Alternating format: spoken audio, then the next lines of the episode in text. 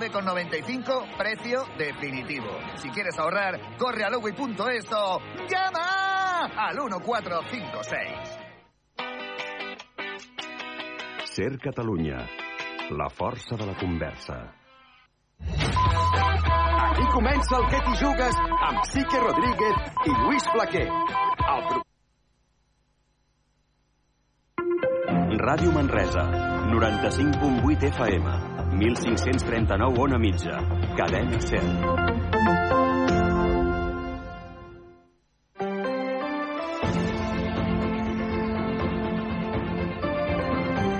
Hora L, Catalunya Central. Eli Pagant.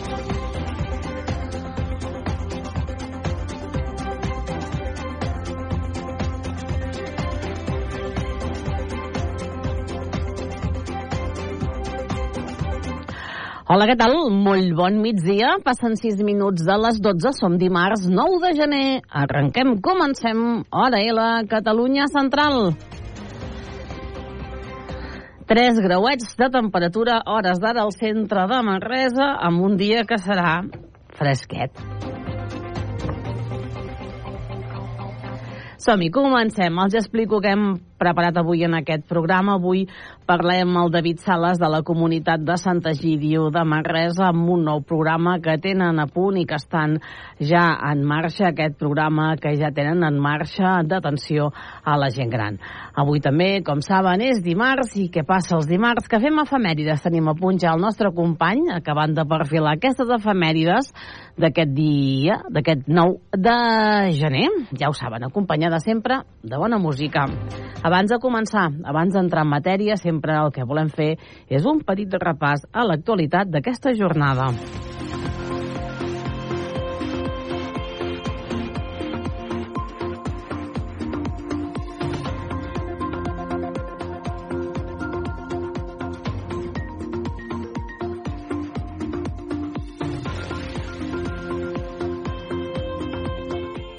Demanen suspendre el judici a quatre vegencs acusats d'atemptat a l'autoritat durant la marxa per la llibertat de l'any 2019. Els advocats dels quatre vegencs acusats de desordres públics, atemptat contra l'autoritat, danys i lesions durant una concentració a la caserna de la Guàrdia Civil de Manresa en el marc de la marxa per la llibertat del 2019 han demanat a l'Audiència Provincial de Barcelona que suspenguin el judici fixat per als dies 29 i 30 de gener.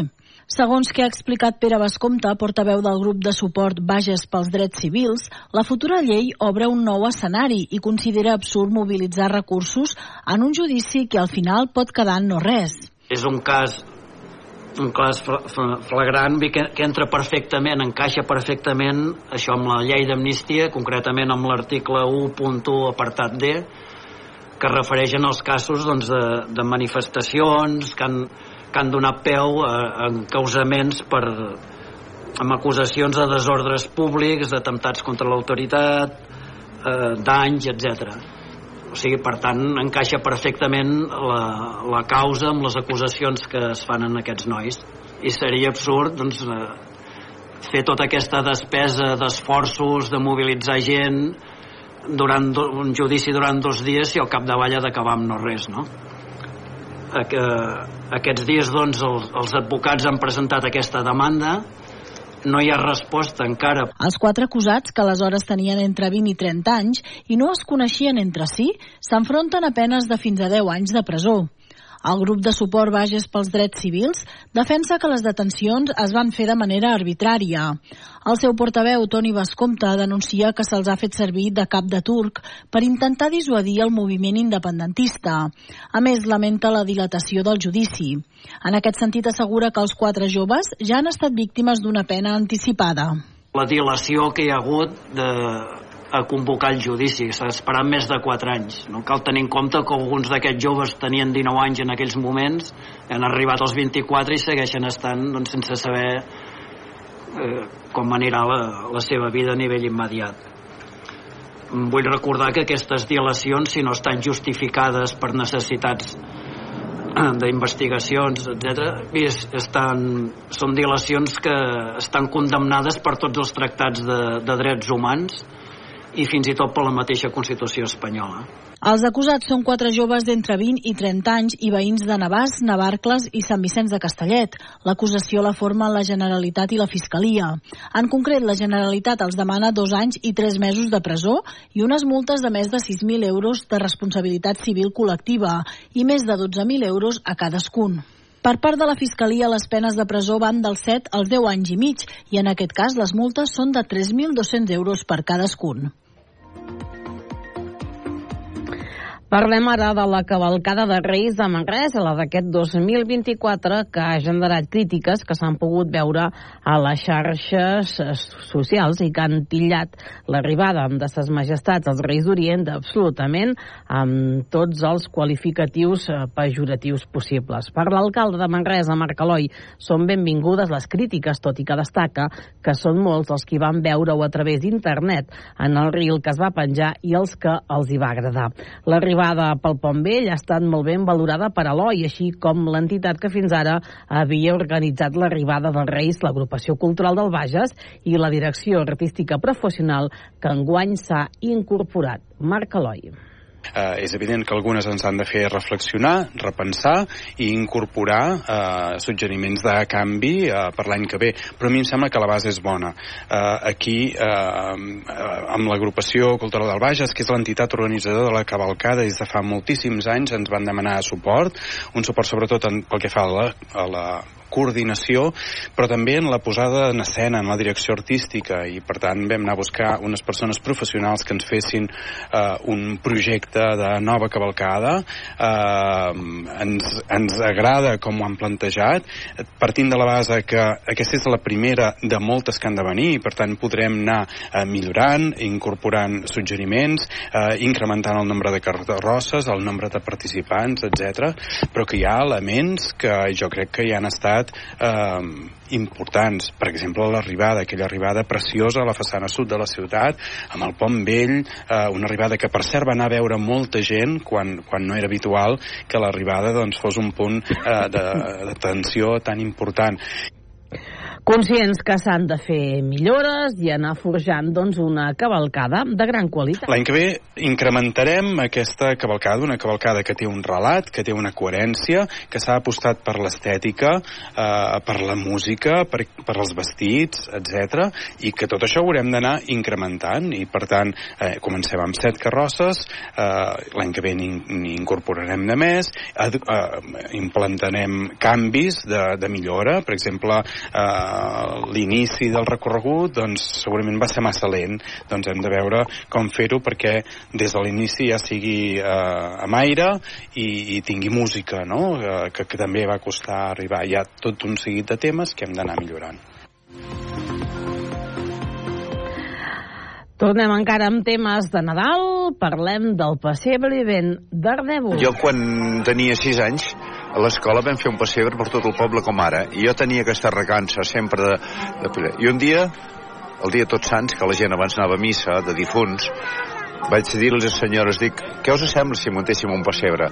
I em van dir, si la gent jove vol endavant Vam preguntar a la gent jove la gent va voler. Ja fa 30 anys ja, ja que s'està fent aquest pessebre. Es va parar pel Covid, però s'ha tornat a recuperar.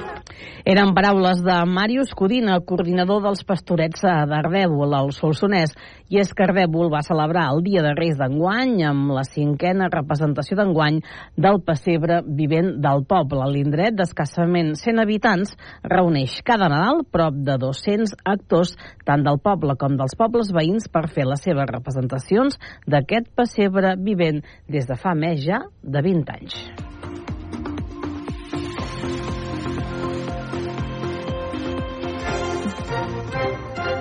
Portades. Anem pel diari Regió 7. Comencem que fa balanç al diari en la seva edició digital dels sis primers mesos de govern. El tripartit de Manresa es mostra, diuen, immuna als sotracs de l'arrencada del mandat. Un diari Regió 7 que també es fa ressò del fort fred d'aquesta passada nit. L'episodi de fred deixa una mínima de menys 12,7 sota 0 a Das i 9,6 a Guixers i també al Puigcerdà. També expliquen que la Cerdanya rebutja seria el el control sobre la gestió de l'aeròdrom i que el Ministeri de Sanitat aprovarà dimecres, demà dimecres, la mascareta obligatòria a tots els centres sanitaris. Anem fins l'Aquí Berguedà. L'audiència 2023, l'Aquí Berguedà creix un 91,2% i frega les 100.000 pàgines vistes al mes.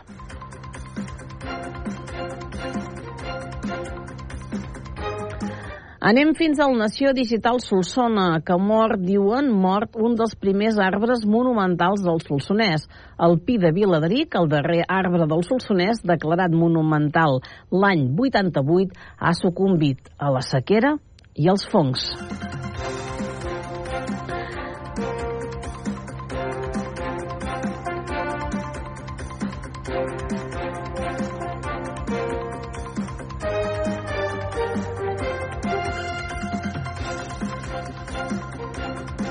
Acabem aquest refàs diari a les portades anant fins l'infonoia.cat sabent què és el que publica parlant de la noia i d'Igualada. Parlen en la seva edició digital en portada que hi ha ja una nova edició del concurs de cartells del 8 de març a la Conca d'Òdena i que la tradicional Fira de Reis d'Igualada atrau un gran, una gran afluència de visitants.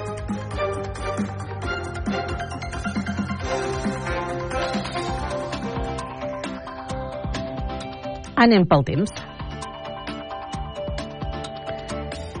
Meteorològicament tenim dies força tranquils i és que avui dimarts 9 de gener tindrem una jornada molt semblant a la d'ahir en la que tindrem sol tant matí com tarda. Per tant, poques novetats en relació a aquest tema. Sí que ho són la novetat, o si més no, la notícia són aquestes fredades, aquestes temperatures gèlides d'aquesta passada nit que han afectat de ple a la Catalunya central en mínimes, com ara us explicaven, les que publicava el diari Regió 7 o ciutats com Manresa, que avui ha arribat, en alguns punts han arribat als 5 graus sota zero. Els 3 graus que hi ha hores d'ara a les 12 del migdia, quan passen 17 minuts, fa doncs que avui les temperatures màximes tampoc no siguin gaire elevades i la màxima avui a la Catalunya central serà d'uns 9 graus al migdia, si és que s'hi arriba. Aquesta temperatura seria la més alta i que arribaria només en alguns punts de la Catalunya central, que de ben segur que avui ens quedarem molt més baixos en aquestes màximes i a l'espera d'aquest canvi de temps que podria arribar i que arriba demà dimecres i que segons el Servei Meteorològic de Catalunya podria arribar fins i tot a caure alguna nevada o si més no alguna volva de neu o precipitació en forma de neu demà dimecres amb la Catalunya central. Seria segons el Servei Meteorològic de Catalunya més però de cara a la tarda i faria incidència al Berguedà, també a Osona i també podria arribar al Bages i també a la Noia. Aquesta seria, però, per la predicció de demà que podríem encaure a veure caure alguna precipitació en forma de neu.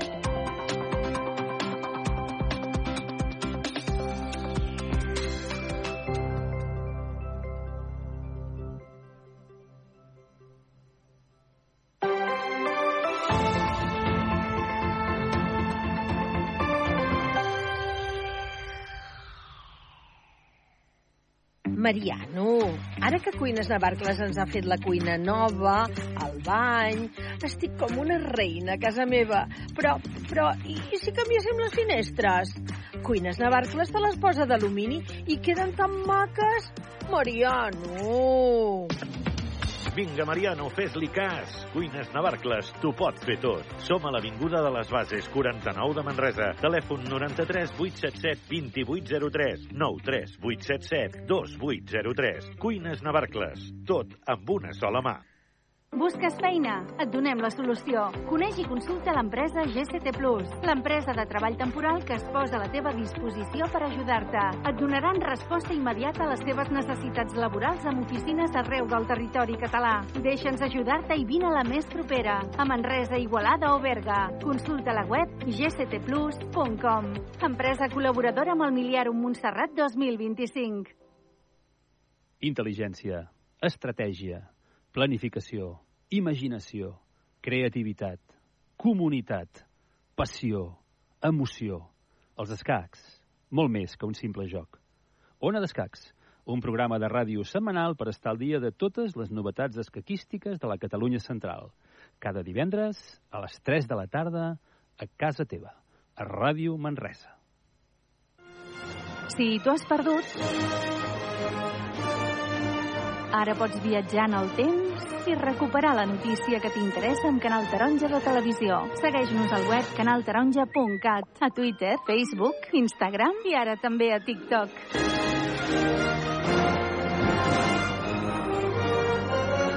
Busca'ns. De Canal Taronja Televisió al món.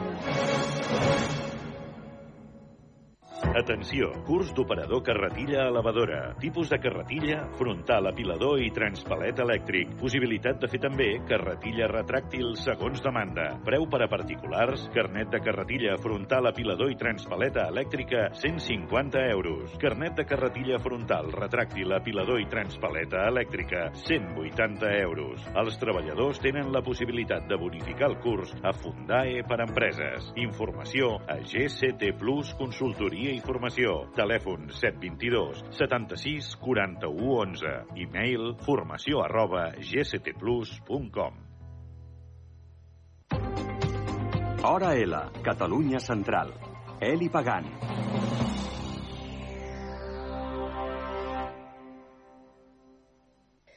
Fa pocs dies la comunitat de Santa Girí de casa nostra va presentar el model d'atenció i cura de la gent gran, un model doncs, que ells proposen, unes propostes d'atenció i cura a la gent gran. Avui nosaltres en volem parlar i per això hem convidat el David Sales, ell és membre de la comunitat de Santa Girí, a qui li donem la benvinguda en aquest hora a la Catalunya Central. David, molt bon dia.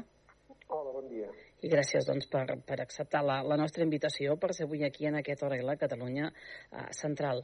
Mm, David, quina és la preocupació de la comunitat de Santa Giri que faci doncs, que s'hagi creat aquesta proposta, aquest model um, d'atenció i cura cap a, cap a la gent gran? David. Uh, nosaltres fa molts anys que arreu del món i també aquí a casa nostra estem ajudant doncs, els més pobres, els més desafavorits i entre ells també molta gent gran. Uh, el que hem vist en els últims anys és que no es té en compte la voluntat d'aquestes persones. És a dir, tots eh, tenim en compte la voluntat dels infants, dels adults, però sembla que quan arribes a l'edat eh, més avançada, doncs la, la, la teva voluntat no es té en compte. De manera que moltes persones, jo diria una bona part de, de gent gran, acaba vivint els últims anys de la seva vida d'una manera que no voldria. El que ens demanen, el que veiem que demana tothom és de poder viure els últims anys de la vida a casa.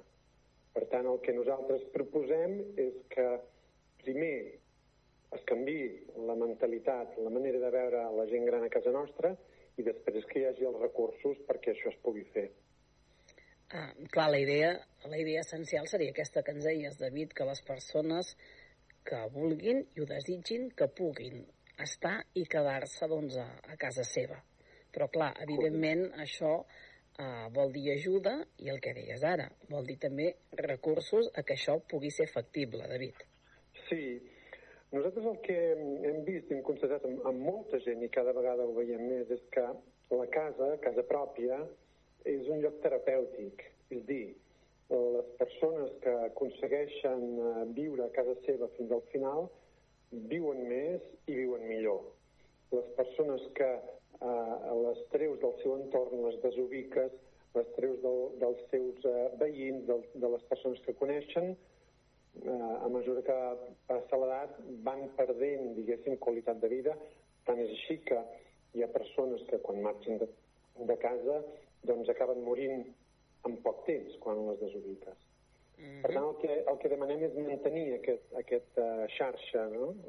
que tots tenim al nostre casa, al nostre barri, al nostre lloc vital. Uh -huh. um, com s'hauria de fer? Com hauria de ser doncs, a, a aquest model que, que, que proposeu des de la comunitat? Perquè doncs, uh, què s'hauria de fer doncs, per fer-ho possible? A banda dels recursos que són essencials, eh, David? Uh, traient, traient la banda aquests, perquè evidentment sense recursos això és uh, pràcticament impossible, sí. però quin, que, quins serien aquest, aquests, uh, aquests projectes o com s'hauria de fer perquè això sigui possible i factible? Bé, el primer de tot seria mm, tornar a donar la, la consideració que, que la generació més anciana havia tingut en un passat. És a dir, avui dia, i així ens ho diu molta gent, molta gent gran diu nosaltres no valem per res, no, no ens tenen en compte per res. Per tant, el primer que demanem és donar valor a la bellesa, perquè ser vell no és un problema, ser vell és un, en tot cas és un desafiament. Tenim l'avantatge que els nostres eh, besavis no vivien tants anys com estem vivint actualment. Però això no ha de ser un pes, al contrari, ha de ser un motiu per ajudar-nos a, a viure bé fins al final de la vida. Com es pot fer això? Hi ha moltes maneres. Eh, sens dubte, la, la més eh, evident és viure a casa i quan arriba un moment en què tu necessites una certa ajuda, que et vinguin a ajudar a casa. Un servei que ja existeix, l'assistència a domicili, però que no està prou estès. Un altre, uns altres eh, recursos podrien ser, per exemple, els habitatges compartits, les, eh, els cohabitatges, o, per exemple, eh, pisos, eh, cases família, com en diem, que la comunitat també en té algun, en què conviuen un nombre reduït de, de persones, sempre intentant, a la mesura en què un no pot quedar-se a casa seva, sempre intentant eh, crear aquests espais que siguin familiars i eh, petits i acollidors, que hi Um, de fet, um, aquesta veu com la vostra d'aquesta atenció i la cura de la gent grans, eh, de, de, de, de quedar-se uh, de poder-se casar, de, de poder-se quedar a casa seva, a les, a les seves llars, um, -huh comença a sortir. És a dir, uh, fa un temps, és a dir, que, que la gent, és a dir, que es comença a veure doncs, que potser el model que teníem fins ara no, era, no, no és el millor, eh? És a dir, en aquest no. cas... Uh... Sí, això s'ha vist claríssimament durant la pandèmia, es va veure, perquè per desgràcia, durant la pandèmia, uh, la mortandat que hi va haver a les residències va ser desproporcionadament més gran que la mortandat que hi va haver als domicilis particulars. És a dir, durant la pandèmia es va veure que les residències no és el lloc ideal on viure al moment en què eh, t'arriba la major fragilitat. Eh, aquest és un model que fa anys es va implantar però que també en molts països europeus s'està veient que no és la, la, la millor resposta. No és la millor resposta i, de fet, que nosaltres el que defensem no és el que la majoria de gent demana. Hi ha eh, estudis que demostren que el 94% de la població, eh, si li dones a triar quedar-se a casa mm -hmm. o marxar de casa, prefereixen quedar-se a casa. Mm -hmm. Hem de fer possible que la, aquest 94% pugui fer realitat el, el, el que desitja. Uh, tenint uh, la comunitat de Santa Giri, sabent doncs, que aquesta presentació d'aquest nou model d'atenció que, que defensa la comunitat s'ha fet, a, fet a Manresa, per tenir en compte doncs, que la comunitat de Santa Giri és una comunitat uh, uh, internacional. Això és una campanya a nivell gran, David. Sí, aquesta mateixa campanya l'estem portant a terme en molts països, sobretot d'Europa, però, però no només no només des de l'àmbit, diguéssim, de demanar a les administracions que facin la seva part, que hi tenen a fer, sinó també, com deia abans, en, en tenir aquesta nova mirada cap a la gent gran, no? És a dir, anys enrere tots eh, teníem els avis i els pares a casa, avui mm. dia això és més complicat. Sí. Però hi ha maneres de, de poder-ho fer, i nosaltres n'hem vist moltes de maneres. Una que tots coneixem són els cuidadors estem acostumats a veure doncs, gent gran doncs, que té un cuidador, moltes vegades estranger, que, que permet que una persona s'estigui a casa seva. Eh, també és veritat que el, el, la grandíssima majoria d'aquests serveis són privats, eh, per qui els pot pagar. Però nosaltres estem intentant doncs, eh, estendre aquest, aquest model, no? aquest, uh, aquest, aquesta nova manera de, de mirar el món dels ancians i aquesta nova manera de, de respectar la seva voluntat. Uh, ara parlaves d'Europa. Uh, en aquest sentit, moltes vegades nosaltres sempre anem a remolc d'Europa, eh? estem moltes vegades anys llum um, Sí. uh, si, ens, si ens emmirallem amb els països que ens envolten. En aquest tema també, David. Sí, malauradament tenim un país que té una qualitat de vida extraordinària, molt millor que altres països d'Europa, però és veritat que l'assistència, eh, i quan parlo d'assistència em refereixo a social i sanitària, mm, va una mica a la cua. És dir, nosaltres el que proposem és una cosa que aquí a casa nostra no existeix, és unificar eh, l'assistència social i sanitària. Per exemple, hem vist eh, i constatat moltes vegades moltes persones, i també ens ho han dit així el- els dirigents de, de Sanitat, moltes persones que acaben eh, fora de casa seva per un problema eh, mèdic, que es podria resoldre fàcilment amb visites periòdiques d'una infermera o amb cures a casa. És a dir, el que proposem és que eh, aquesta atenció que es dona en els centres residencials o sanitaris es pugui donar a casa. I en això és veritat que hi ha molts països europeus que, que ja ho estan fent i que estan molt més avançats que, que a casa nostra. Um, David, en relació a aquest tema, també fa, fa pocs dies es presentava aquell llibre de la Montserrat Vilaseca, de Vull viure a casa, suposo que també en, en la mateixa línia, eh? aquest, aquell llibre doncs, que parlava que parla de- de- d'aquest tema, no? Dels que, del, del, que estàvem, del que estàvem parlant ara. Suposo que també en la mateixa, en la mateixa línia d'aquestes propostes. Sí, aquest és un llibre que, que per cert es pot comprar a la Persir, que està aquí a Manresa. Aquest és un llibre que explica precisament això, no? a partir de la història d'una senyora que vam conèixer, la Remedios, s'explica, per una banda, el, el, el problema que existeix, el dolor, la soledat, eh, l'abandó de moltes persones grans, però per altra banda s'explica que és possible, i el seu cas en, en va ser un d'èxit, que és possible acabar els últims anys de la vida a casa. No? El cas de la Remedios, eh, com he de dir, molt, moltes altres persones, és que eh, acaben en una residència enganyats i en contra de la seva voluntat.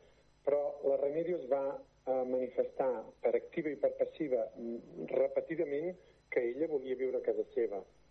Uh, a través d'aquest llibre s'explica com no només ella sola, sinó amb, que també és el que defensem, no? a través, tenint una, una xarxa al teu voltant, en aquest cas la xarxa era la comunitat de Sant Egidi, tenint una xarxa al teu voltant eh, eh, et permet, doncs, com en el cas de la Remedios, tornar a casa i viure i morir a casa envoltat de les persones que estimes. Jo crec, David, que si, si ara demanéssim a totes les persones que ens estan escoltant, diríem que aquest seria, ser el, seria tots el nostre, el nostre desig. Mm, Sí, sí, però també he de dir-te una cosa, que hi ha molta gent, hi ha molta gent que té aquest desig interior, però no s'imagina que el pot tenir. És a dir, Mm. hi ha molta gent que diu, fins i tot gent jove, eh? És a dir, jo ja m'estic preparant eh, per quan vagi a la residència. O molta gent que diu, jo ja sé que acabaré vivint en una residència. Sí, això és veritat. Eh, És absolutament legítim, però la veritat és que si un pot triar entre estar en una residència o estar a casa, la majoria de gent preferim estar a casa nostra amb els nostres records, les nostres fotos, els nostres mobles, eh, eh, tantes coses, no? Per tant, jo el que animo primer a tothom és a, primer saber cadascú què vol, però després demanar-ho, demanar-ho, perquè és veritat que si no ho demanem eh, no s'ofereix aquest servei, o s'ofereix no en la justa mesura. Per tant, penso que tots tenim dret a viure i morir allà on vulguem i envoltats de les persones que vulguem i cuidats per qui vulguem. Per això hem de, hem de començar per demanar-ho. Doncs avui nosaltres li agraïm molt amb el David Sales que ens hagi volgut acompanyar en aquest Hora a la Catalunya Central doncs parlant d'aquest projecte, d'aquesta campanya, d'aquest model, diguem-ho bé, d'aquest model d'atenció i cura de la gent gran que proposa la comunitat de Sant Egido i avui també doncs, volíem aprofitar la vinentesa per parlar també doncs, d'aquest llibre que fa poquet doncs, que es va presentar aquest Vull viure a casa de Montserrat Vilaseca com ens explicava doncs, el, el David que es pot eh, adquirir a la llibreria per Cir de Manresa. David, moltes gràcies. A vosaltres. I molt bon dia. Molt bon dia, gràcies.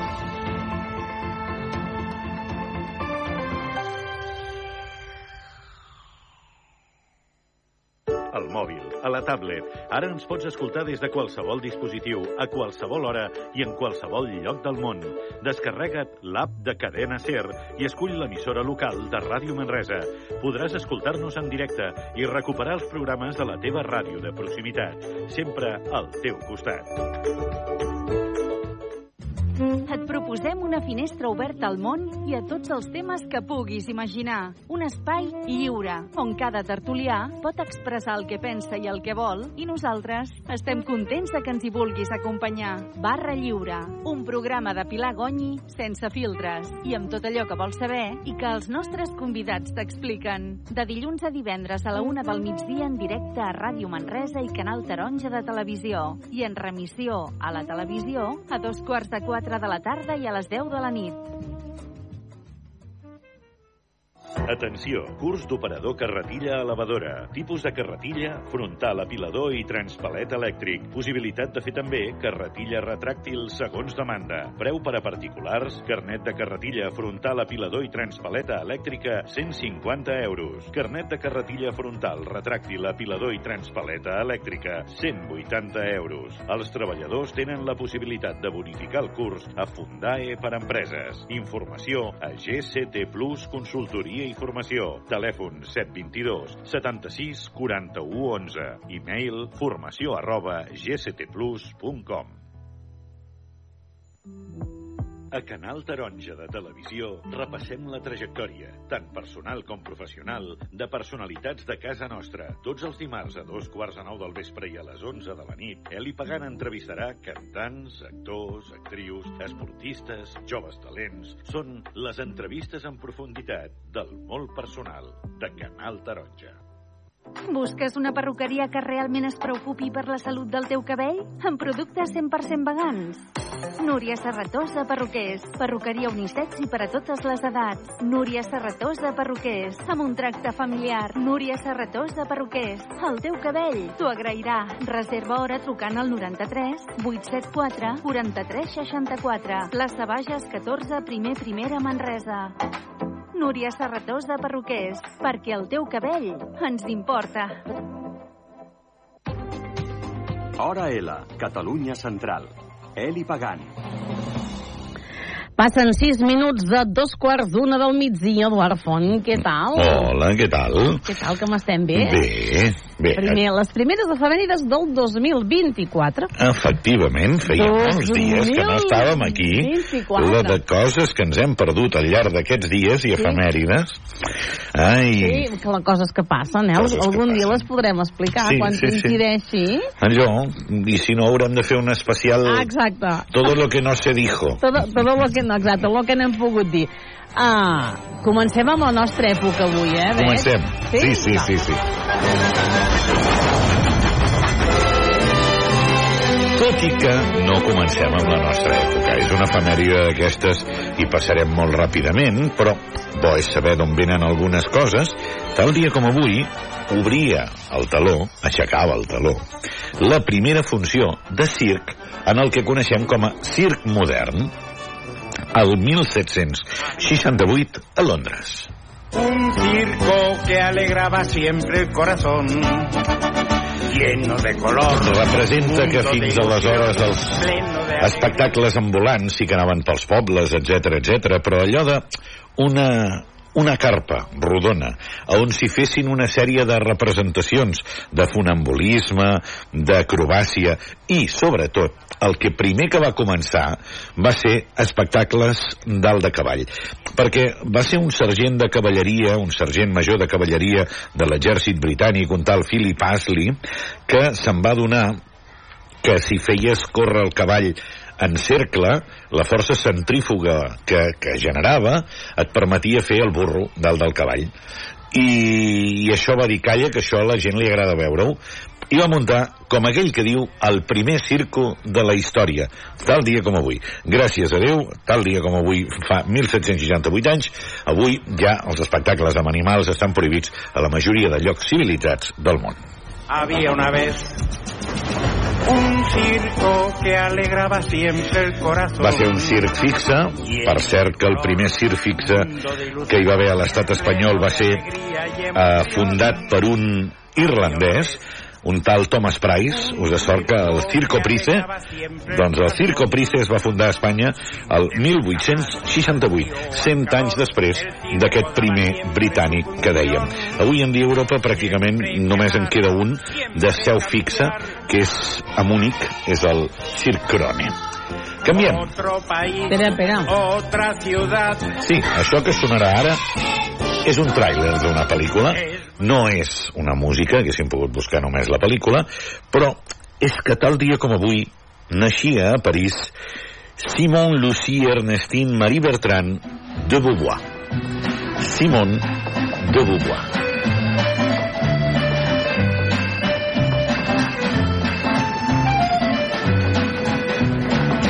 Tu sais, ton Sartre, il me met la main aux fesses dès que t'as le dos tourné. Tais-toi, idiote. Tu me crois pas Tu te rends compte de l'honneur qu'il te fait L'honneur Mais t'es complètement zinzin. Aquesta és, és el tràiler d'una pel·lícula que es diu Les Amants du Flora, eh, traduïda aquí com Los Amantes del Café de Flora, i és una mica, aquesta pel·lícula, un resum de la biografia amorosa de Simone de Beauvoir, amb qui va ser el seu amant de tota la vida i la seva parella de tota la vida, que és un altre filòsof com ella, Jean-Paul Sartre. Ella, Simone de Beauvoir, novel·lista, filòsofa, existencialista, professora, feminista reconeguda, i a part de tota la seva carrera cultural que va ser moltíssima, hi han moltes de les seves biografies que se centren en aquest altre vessant, que és aquests 50 anys de vida en comú que va tenir amb Jean-Paul Sartre. Un, una vida en comú que va ser molt peculiar.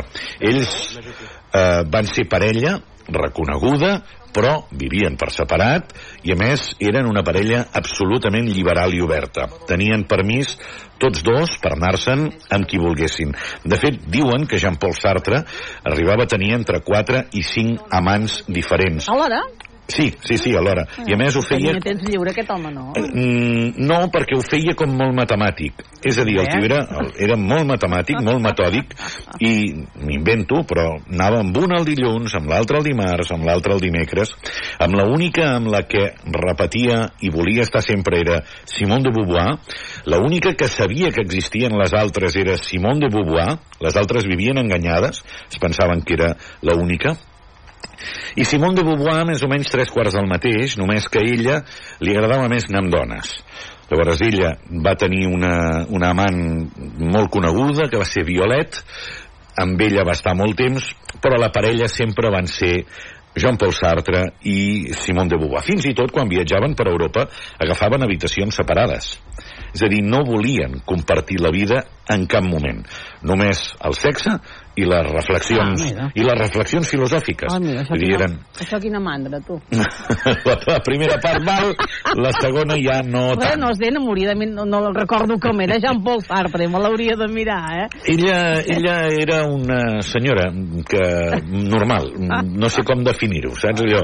Clar, eh, Simone de Beauvoir va néixer tal dia com avui el 1908, va morir el 1986, va sobreviure a Jean-Paul Sartre. De fet, al final es van acabar discutint, però no per una qüestió de banyes, Tanta filosofia no pot ser bona. sinó o per una qüestió de banyes, però, però no. perquè Sartre al final ja es va passar.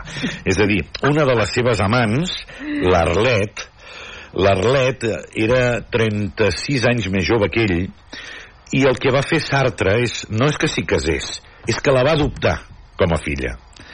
I llavors, clar, hi ha tot el tema de l'herència, etc etc. Arlet tampoc es va portar malament. Arlet realment va ajudar Sartre molt amb la seva obra i a ordenar-la, etc etc. Uh, Simone de Beauvoir, en el seu uh, final, en la seva obra escrita, va dir que, que la mort de Jean-Paul Sartre els separa, que la seva mort, la mort de Simone de Beauvoir, no els ajuntarà, però ja havia sigut massa bonic que les seves vides s'haguessin ajuntat durant tant de temps. Iau, ja està, va, vinga, és una figura interessantíssima, la de Simone de Beauvoir. doncs vinga, Canviem. som-hi. Ai, espera't, ara m'he liat, eh? Farem una passada molt breu per Brasil. Ens n'anirem a Recife. A Recife, a prop de Pernambuco, Allà, tal dia com avui, el 1920, fa 104 anys, hi naixia Joao Cabral de Meloneto. És un dels poetes més coneguts de la poesia brasilenya. Com palmos me diga É a conta menor que tiraste em vida É a conta menor que tiraste em vida É de bom tamanho Nem largo nem fundo. É a parte que te cabe deste latifúndio. É a parte que te cabe deste latifúndio Escoltem aquí un dels seus poemes, que és Funeral d'un labrador, interpretat per Chico Buarte. Eh, Joao Cabral de Meloneto va tenir tots els premis del món, menys el Nobel de Literatura. Sempre era un d'aquells eterns candidats, sempre s'havia dit que ho seria, fins i tot quan va morir el 1999 es va dir que aquell any li donarien i no li van donar. Ara, això sí, té el Premi Camões, el més important de la literatura portuguesa, el Premi Reina Sofia de Poesia Iberoamericana i fins i tot premis internacionals com el Neustadt International Prize. En fi, Joao Carlos de Meloneto. I a partir d'aquí, jo crec que la música que sonarà l'anirem coneixent tota. Vale, Va. vinga, som-hi. Penso che un sogno così non ritorni mai più. Mi dipingevo le mani e la faccia di blu. Poi d'improvviso venivo dal vento rapito e incominciavo a volare nel cielo infinito. Volare.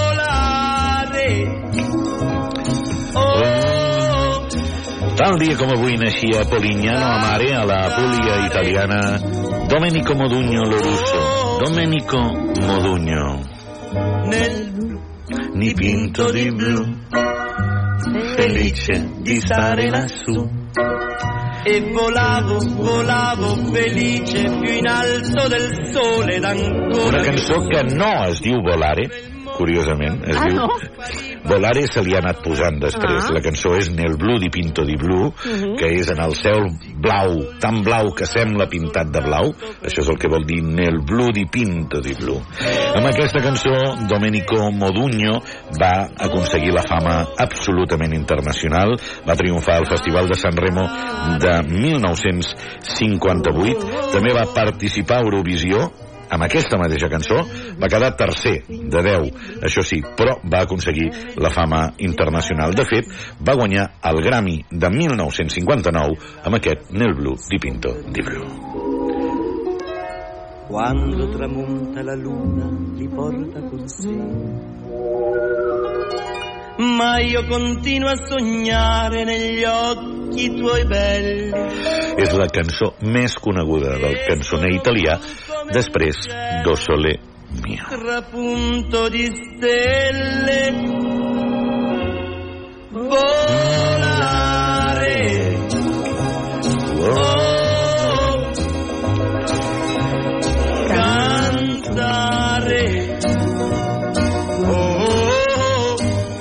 Vinga, Doncs avanço, aquest senyor naixia tal dia com avui, el 1928, va morir a Lampedusa el 6 d'agost de 1994 en una illa, això sí, al costat del mar.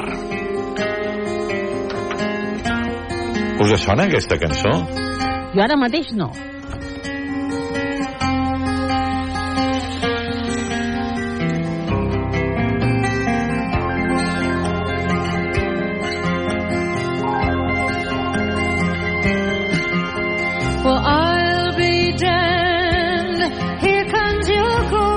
Tal dia com avui, naixia a Staten Island, a prop de l'estat de New Jersey, Joan Baez. Joan Chandos Baez.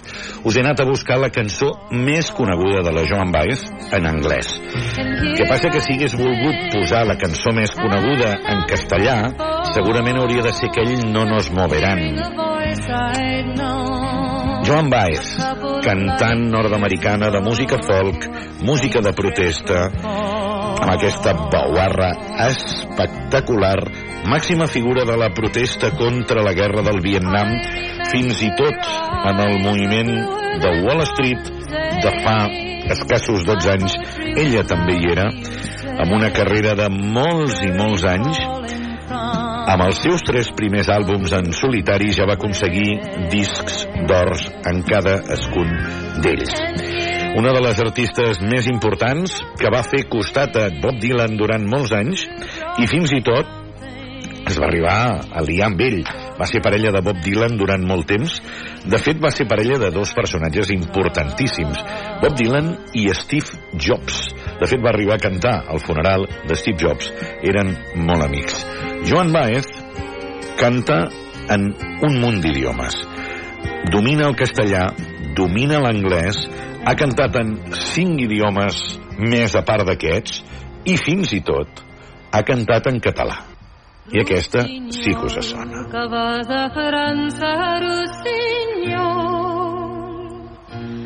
Encomana a la mare Rossinyol d'un bel bocatge Rossinyol. Buscatge no li acaba no, de que no, sortir. home, buscatge és complicat, eh? Sí.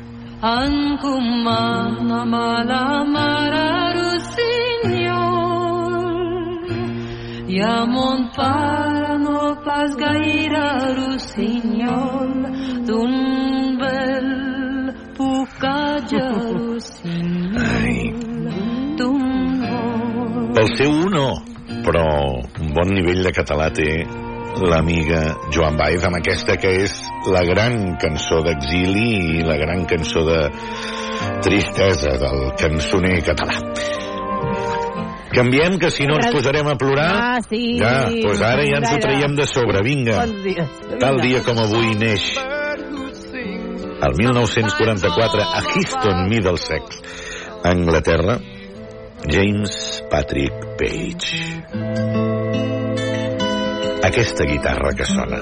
Qui canta és Robert Plant, perquè són els Led Zeppelin.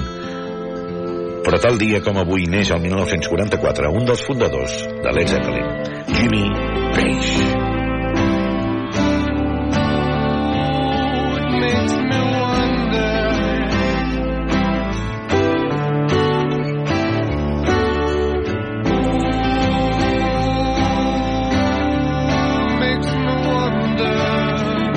Fet, aquest solo de guitarra que hem escoltat en un tros i que se sent més endavant d'aquesta meravellosa cançó està considerat un dels millors de la història.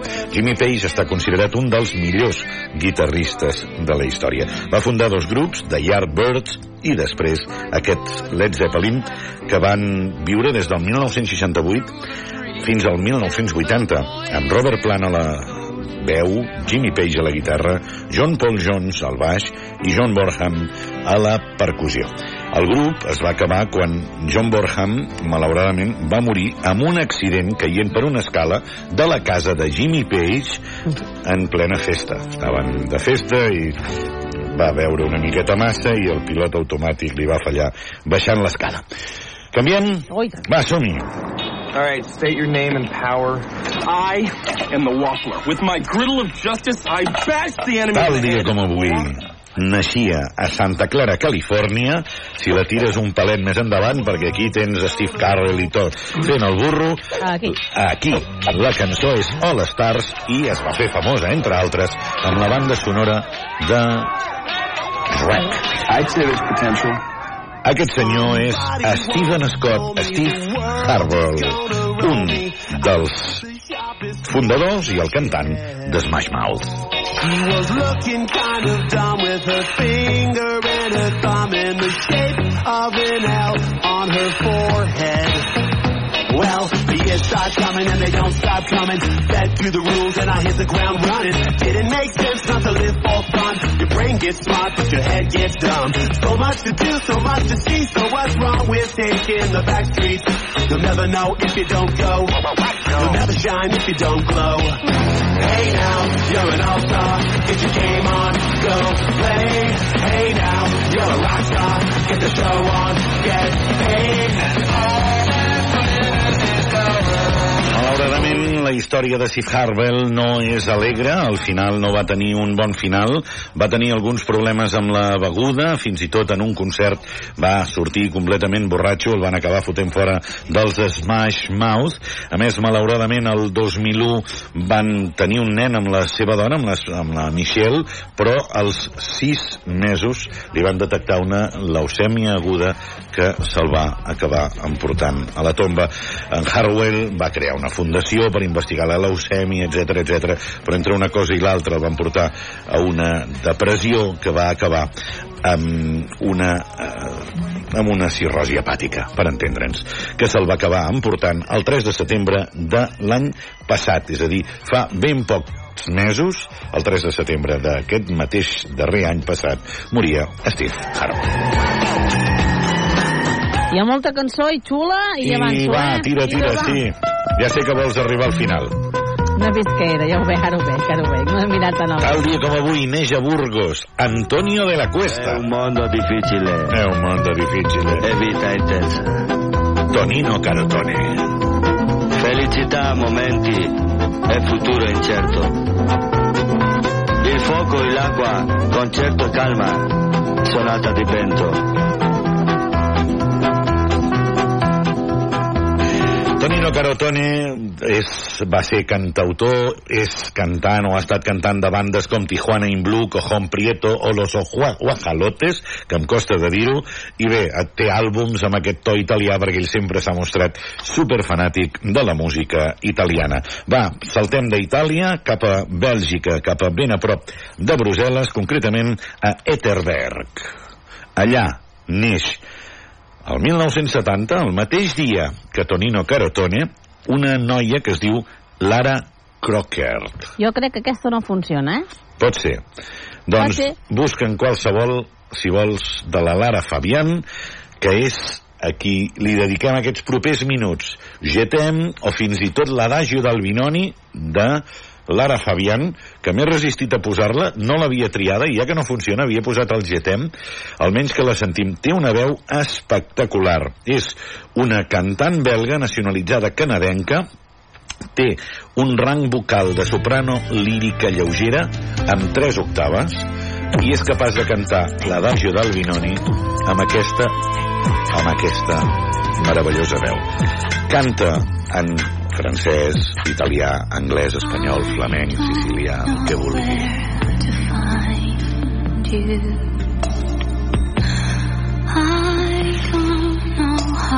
Canviem? Vale, vale, espera, espera, espera. espera. Ah, vinga.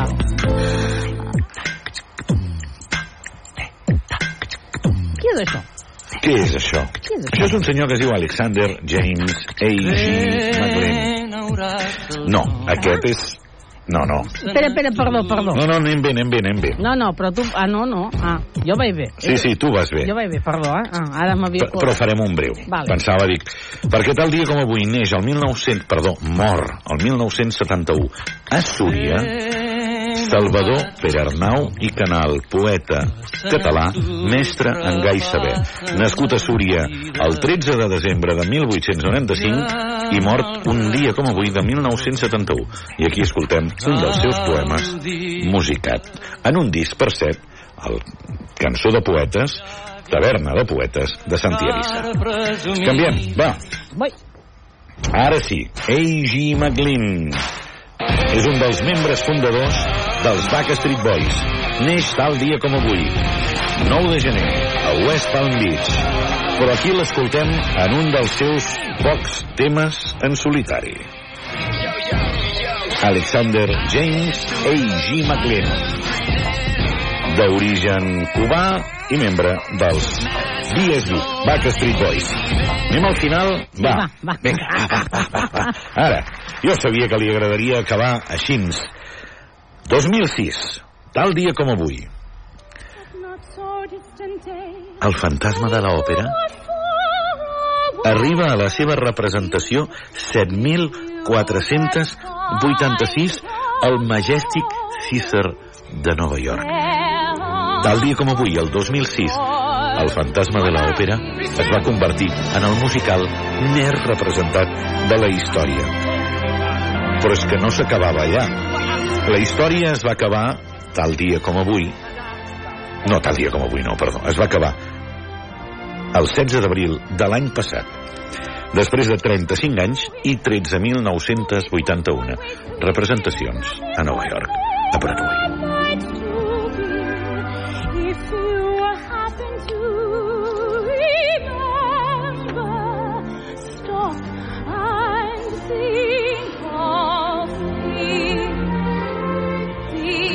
Doncs ens queden 10 segons, eh? Oh, Fins llàstima. dimarts, val? Vinga! Adéu-siau. Adéu, adéu. Es la una, las 12 en Canarias.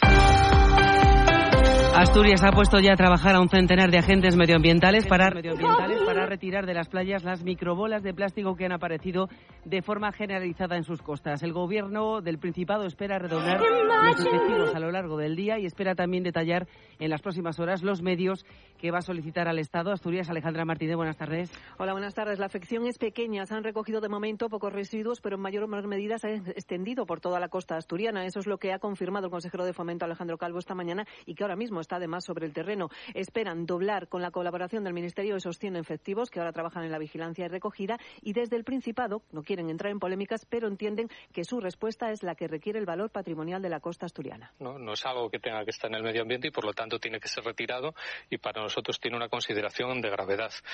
Y yo no entro a valorar lo que hacen otras comunidades. Como decía, lo que nosotros hacemos es eh, pues actuar en el marco de que tenemos una costa valiosísima, que es un activo principal para nosotros y es evidentemente una situación que justifica claramente el contar con todos los medios disponibles.